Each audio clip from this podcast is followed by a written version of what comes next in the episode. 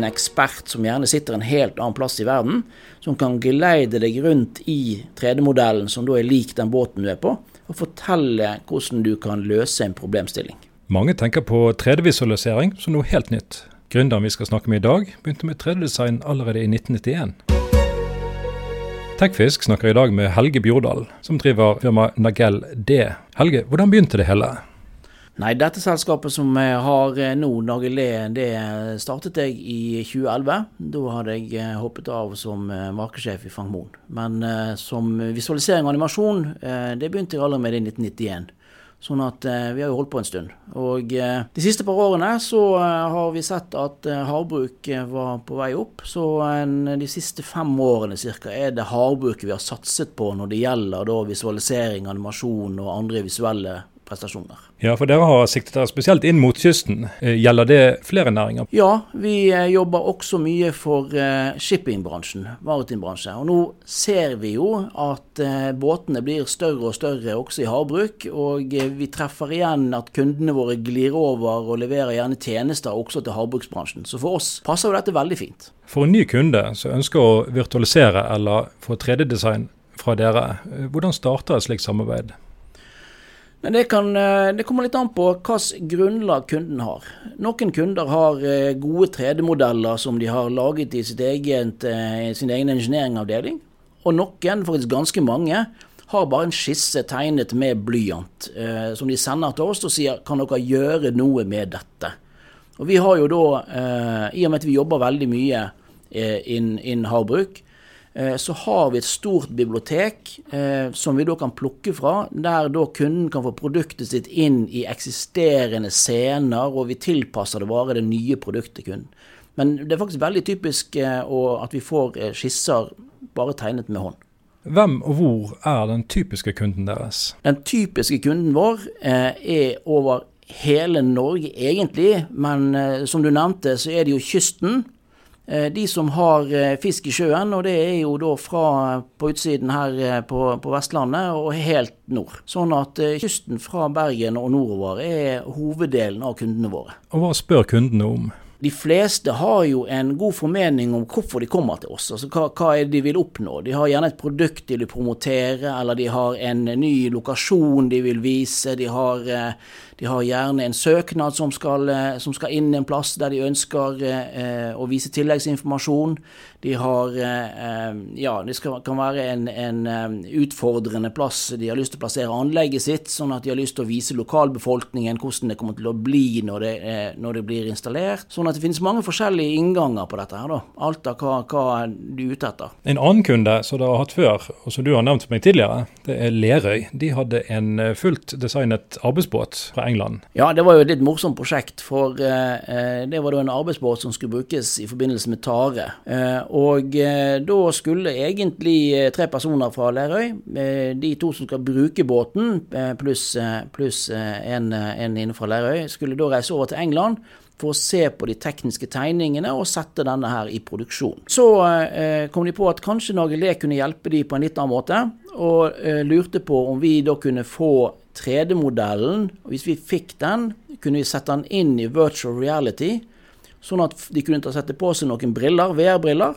og kunne faktisk gå rundt på båten og se hvordan den da kunne bli. Så vi fikk 3D-modellen over, og noen dager seinere så eh, kom operatørene på besøk, og de fikk på seg VR-brillene, og kunne da rett og slett være om bord i denne båten som da ikke, er, eh, ikke var tegnet, eller ikke var ferdig designet ennå, og kunne komme med sine siste, siste input. Og så spør jeg da i etterkant hva de fikk ut av dette, og så sier de hvis vi ikke hadde laget en VR-presentasjon av denne, så hadde vi vært misfornøyd med det vi hadde fått levert, for vi hadde lyst å, å få til en god del endringer, og de så vi når vi var om bord i Virtual Reality. Sånn at ut ifra sånne historier, så vet vi at VR hjelper mye på. Noen kunder har behov for å virtualisere prosedyrer og opplæring. Det vi har sett, eh, og selvfølgelig som er veldig veldig viktig, og som det er stadig mer fokus på, eh, ikke bare i havbruksbransjen, men også andre bransjer, er jo helse, miljø og sikkerhet. Både for mannskaper, men også selvfølgelig for, for utstyr. Og eh, Der har vi en del kunder som da har ønsket at vi lager HMS-presentasjoner i form av film, men òg nå i det siste da i form av virtual reality-opplevelser steder der du kan gå om bord eksempelvis på båten eller merkanten, eh, og kan øve på prosedyrer før du faktisk skal begynne å jobbe med dem, sånn at HMS-en blir riktig fra dag én. Har dere mange av denne typen kunder? Stadig flere. Eh, men det, det som selvfølgelig er, er Jeg skal ikke si skuffende, men det som kanskje skjer, er at det gjerne må skje en ulykke før en innser at uh, dette kan være veien å gå. Sånn at uh, vi forsøker jo å være ute og predikere og si at vi kan være med og hjelpe og sørge for at HMS-en blir bedre, og folk får øvd på tingene som utgangspunktet kanskje er enkle, men eh, når ting først går galt, så begynner gjerne hodet å bli godt og varmt, og så tenker en feil, og så har en ikke øvd på det, og så skjer det ting som ikke burde skje. Vi hadde jo satt pris på om eh, folk gjerne kom til oss før ulykken var ute. Dere kommer tett på oppdrettsnæringen. Hva tenker du er den største utfordringen til havbruk? Jeg skal jo være litt sånn forsiktig med å være eh, kategorisk på, på det, men det kan, jeg kan heller svare sånn. Hvilke produkter er det vi eh, lager mest animasjon og visualisering på? For det er klart, det er jo produkter som ønsker å være med og hjelpe næringen fremover. Og det som er nummer én, og har vært nummer én ganske lenge, det er jo lusebekjempelse. På alle måter. Det kan være mekanisk, og det kan være kjemisk, og, og eh, så vi lager filmer og prestasjoner som går mye på lusebekjempelse. Det er klart, det vi bl.a. ser nå, er jo at eh, luseskjørt kjenner jo alle til, og, og, og, eh, den typen ting for å hindre at lusen kommer, kommer, til. Det vi nå ser, og som vi eh, ser litt kunder på, er jo det å gjøre fòring på en annen måte. Der eh, fisken ikke må komme til overflaten eller opp mot overflaten for å få fôret, men faktisk kan bli fòret gjerne under lusebeltet, sånn at de holder seg under lusebeltet. Eh, og får fôret der. Eh, sånn at eh, der har vi en del spennende kunder vi skal lage litt film på nå, så her er det bare å følge med fremover og, og se hva som kommer. Disse filmene, hvordan opplever en bruker en slik film? Kundene våre de bruker filmene både på sosiale medier, det blir jo mer og mer eh, aktuelt. Eh, du finner de på nettsidene deres. Eh, de sender de gjerne på e-post rundt til kunder. På messer, selvfølgelig. Nå skal det jo sies at som vi alle kjenner til, så er det ikke mye messer som foregår nå for tiden. Så vi hadde jo en del filmer som var laget for spesifikke messer, som da brukes på litt annen måte akkurat nå. Men, men messer er en ting som er viktig for mange av kundene våre for å vise produktene sine på. Sånn at vi håper jo at vi snart kommer i gang igjen og, og for det er klart det påvirker oss alle. Dere har hatt et eget showrom for å treffe kunder? Vi har faktisk to. Mm, det er vel ikke så mye show der akkurat nå. Den enkle grunnen at eh, folk er jo forsiktige med å eh, komme i fysiske møter. Eh, grunnen til at vi laget showroomene er jo for å kunne vise innholdet vi leverer, og vise hvilken teknologi som kreves for å kunne bruke innholdet. Sånn at en ser hvordan en kunne tilpasse dette. Det ene showrommet var i samarbeid med en del andre selskap, og dere samarbeider på veldig mange områder. Dere må jo være veldig flinke til å samarbeide? Ja, vi, eh, vi, forsøker jo å finne strategiske samarbeidspartnere eh, ut ifra det vi leverer. Vi er flinke på å levere innhold. Og så er jo spørsmålet hvordan skal dette innholdet vises? Og da jobber vi uh, tett bl.a. sammen med, med HP. De, de leverer jo da maskinvare. For det er klart, leverer vi, Skal du se en virtual reality-løsning, så må du nødvendigvis ha en, en PC og noen VR-briller, og da må de komme fra en plass. Og Da har vi valgt å gå i samarbeid. Og så har vi en del andre strategiske partnere vi bruker, ut ifra både hvilket utstyr og kompetanse de sitter på, og selvfølgelig eh, bruker de som døråpnere, og de bruker oss som døråpnere. Dere har fått en døråpner i Singapore? Ja, eh, det som eh, i november i fjor, som kanskje noen fikk med seg, var at vi fikk inn en ny eier.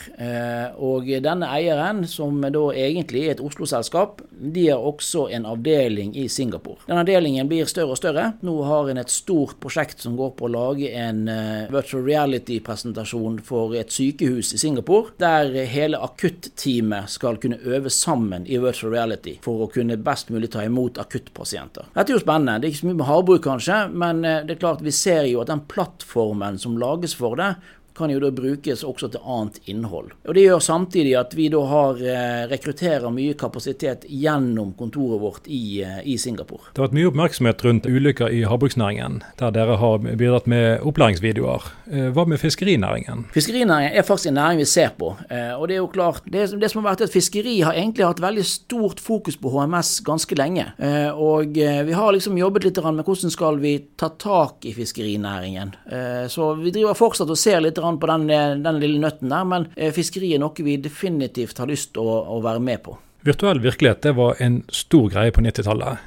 Hva skjedde? Det var eh, veldig stort på 90-tallet. Det var kanskje større enn det det er i dag når det gjelder utstyr. Eh, da kunne en få kjøpe hele VR-drakter og alt mulig rart. Men grunnen til at det døde, er rett og slett fordi at den visuelle teknologien, altså de bildene du kunne se i VR, det ble for dårlig. Sånn at eh, veldig mange ble eh, rett og slett fysisk dårlige av å bruke det. Og det er klart, har du et produkt der du skal vise produktet ditt i VR, og de som skal se på det blir kvalm, så eh, sliter du kanskje med å selge det. Det gjorde at VR døde, men har nå kommet opp igjen da for noen år siden med en helt annen kvalitet enn eh, det vi så på 90-tallet. For de som har glemt hva VR var, kan du forklare litt? Ja. Eh, VR står for virtual reality. Det betyr at en tar på seg et sett med briller eh, der, som egentlig består av to små skjermer, ett for hvert øye. Det er da satt opp sånn at hjernen din oppfatter det som om du er inne i Eh, denne virtuelle virkeligheten som han da er virkelig. Og hvor virkelig kan han bli? Vi har hatt eh, et par tilfeller der folk har stått oppe i høyden i, i VR med beina godt plantet på, på jorden og på, på kontorgulvet sitt. Eh, og så blir en svimmel fordi at i VR så er en gjerne da en sånn 20 meter oppe i en tank. Og så har de da forsøkt å ta etter det rekkverket som da fortsatt bare er i VR. Vi har nå heldigvis klart å ta tak i de før de faller. Men så ekte og så mye mye klarer du å lure hjernen din eh, til dette. Fordelen er jo selvfølgelig at en VR-opplevelse blir veldig virkelig, og det negative, hvis du da eh, ikke liker høyder, er at den blir veldig virkelig. En som har sett et anlegg i VR, vil han kjenne igjen anlegget når han møter det i virkeligheten? Definitivt. Det vil jo være helt likt når det gjelder oppbygging. La oss ta en fòrflåte. Eh, når du da går rundt på fòrflåten i virkeligheten, hvis du har vært rundt igjen i VR, så vil du finne tingene på nøyaktig samme plassen. Det er klart, når du ser det i virkeligheten, så vil nødvendigvis kall det bildet du ser være bedre, iallfall per i dag. Eh, det jobbes det jo med, men kvaliteten er så bra at du eh, kjenner det igjen som en sånn 85% del av virkelighet. Der går det an å få det helt helt virkelig, men det har med hvor mye penger du har lyst til å bruke. Eh, men teknologien finnes der. Det er ingenting i veien for å lage det 100% korrekt som virkeligheten, men det er ingen som er interessert i å bla opp eh, den summen det vil koste å gjøre. Da må vi liksom over dammen og til Hollywood skal, det, skal vi nærme oss nå. Men det gjør at bl.a. virtual reality egner seg ekstremt godt for å gjøre seg kjent om bord på en plass du ikke har vært før. Hvilke kunder deres har gått lengst? De som har gått lengst per i dag, det er Framo.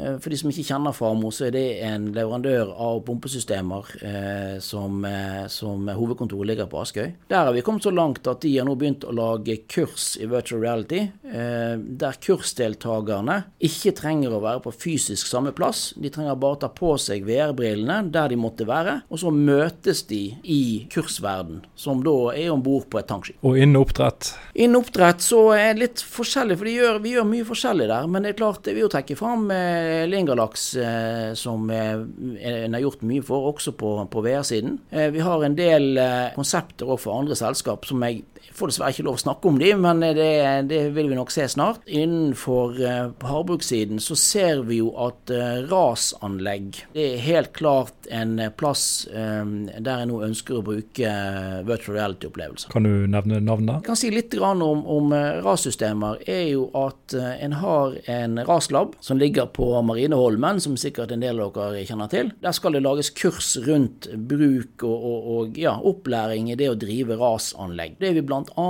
ser på der, er jo det å kunne lage en virtual reality-opplevelse av dette anlegget. Sånn at en da kan øve seg eh, og gjøre seg kjent i anlegget før en får tilgang til det fysiske anlegget. Vi nevnte så vidt fiskerinæringen. Hvor tror du behovet er størst der? Behovet vil nok eh, være størst innenfor eh, det det å kunne gjøre seg kjent om bord på en ny båt. Andre eh, vil være gjerne vedlikeholdsoperasjoner, der en da kan bruke virtual reality, treffe en ekspert som gjerne sitter en helt annen plass i verden, som kan geleide deg rundt i 3D-modellen som da er lik den båten du er på, og fortelle hvordan du kan løse en problemstilling. Sånn at, eh, og dette her er ting som eh, kan gjøres i dag, og som vi driver og ser litt på, sammen med bl.a. Maritimt eh, opplæringskontor i Haugesund. Det, det, skjer mye spennende, og skolevesenet har nå også endelig begynt å ta tak og se at dette her kan være veldig fine løsninger. For det er jo klart, det å kunne være om bord på en båt, det er ikke alle som Det er ikke så lett for alltid, spesielt på visse typer båter. Og klart fiskebåter skal helst være ute og fiske, og da kan en ikke bare gjerne gå om bord for en dag og så gå, gå i i land igjen etter å ha testet noe. Men det kan du gjøre i VR, og når du da kommer om bord, så vet du hvordan tingene virker. Du vet den tingen det er hen, du kan prosedyrene. Vi ser at her er det mye å ta tak i. Og det er klart, som alltid, altså fiskeri er som vi kjenner til et veldig farlig yrke. Og eh, da er det iallfall viktig at en kan minimere det med at en kjenner prosedyrene og vet hva en skal gjøre. Et kurs gjennomført i eh, VR, vil det bli godkjent? Det er et veldig godt spørsmål. Her eh, jobber vi faktisk litt med noe annet enn fiskeri. Da. Det er da Petroleumstilsynet. Eh, det er jo da et, et, tilsyn på hva som foregår eh, ute på, bl.a. ute på feltet når det gjelder eh, olje og gass i Nordsjøen. Der har vi altså diskutert med de hva de vil godta i VR og ikke. Og de er faktisk veldig åpne for at visse ting som i dag foretas fysisk, kan gjøres i VR og vil bli godkjent av Petroleumstilsynet som utført. Sånn at her, Jeg vil ikke si så fryktelig mye om det, men, men det betyr at de statlige tilsynene er åpne for at du faktisk kan gjøre ting i en trygg ramme der det er gjerne prosedyrer som skal gjennomføres, som eh, kan være kjentmannsrunder, det kan være andre sånne ting. Det er klart De ser at det kan effektivisere det, og det kan også gjøre ting enda bedre.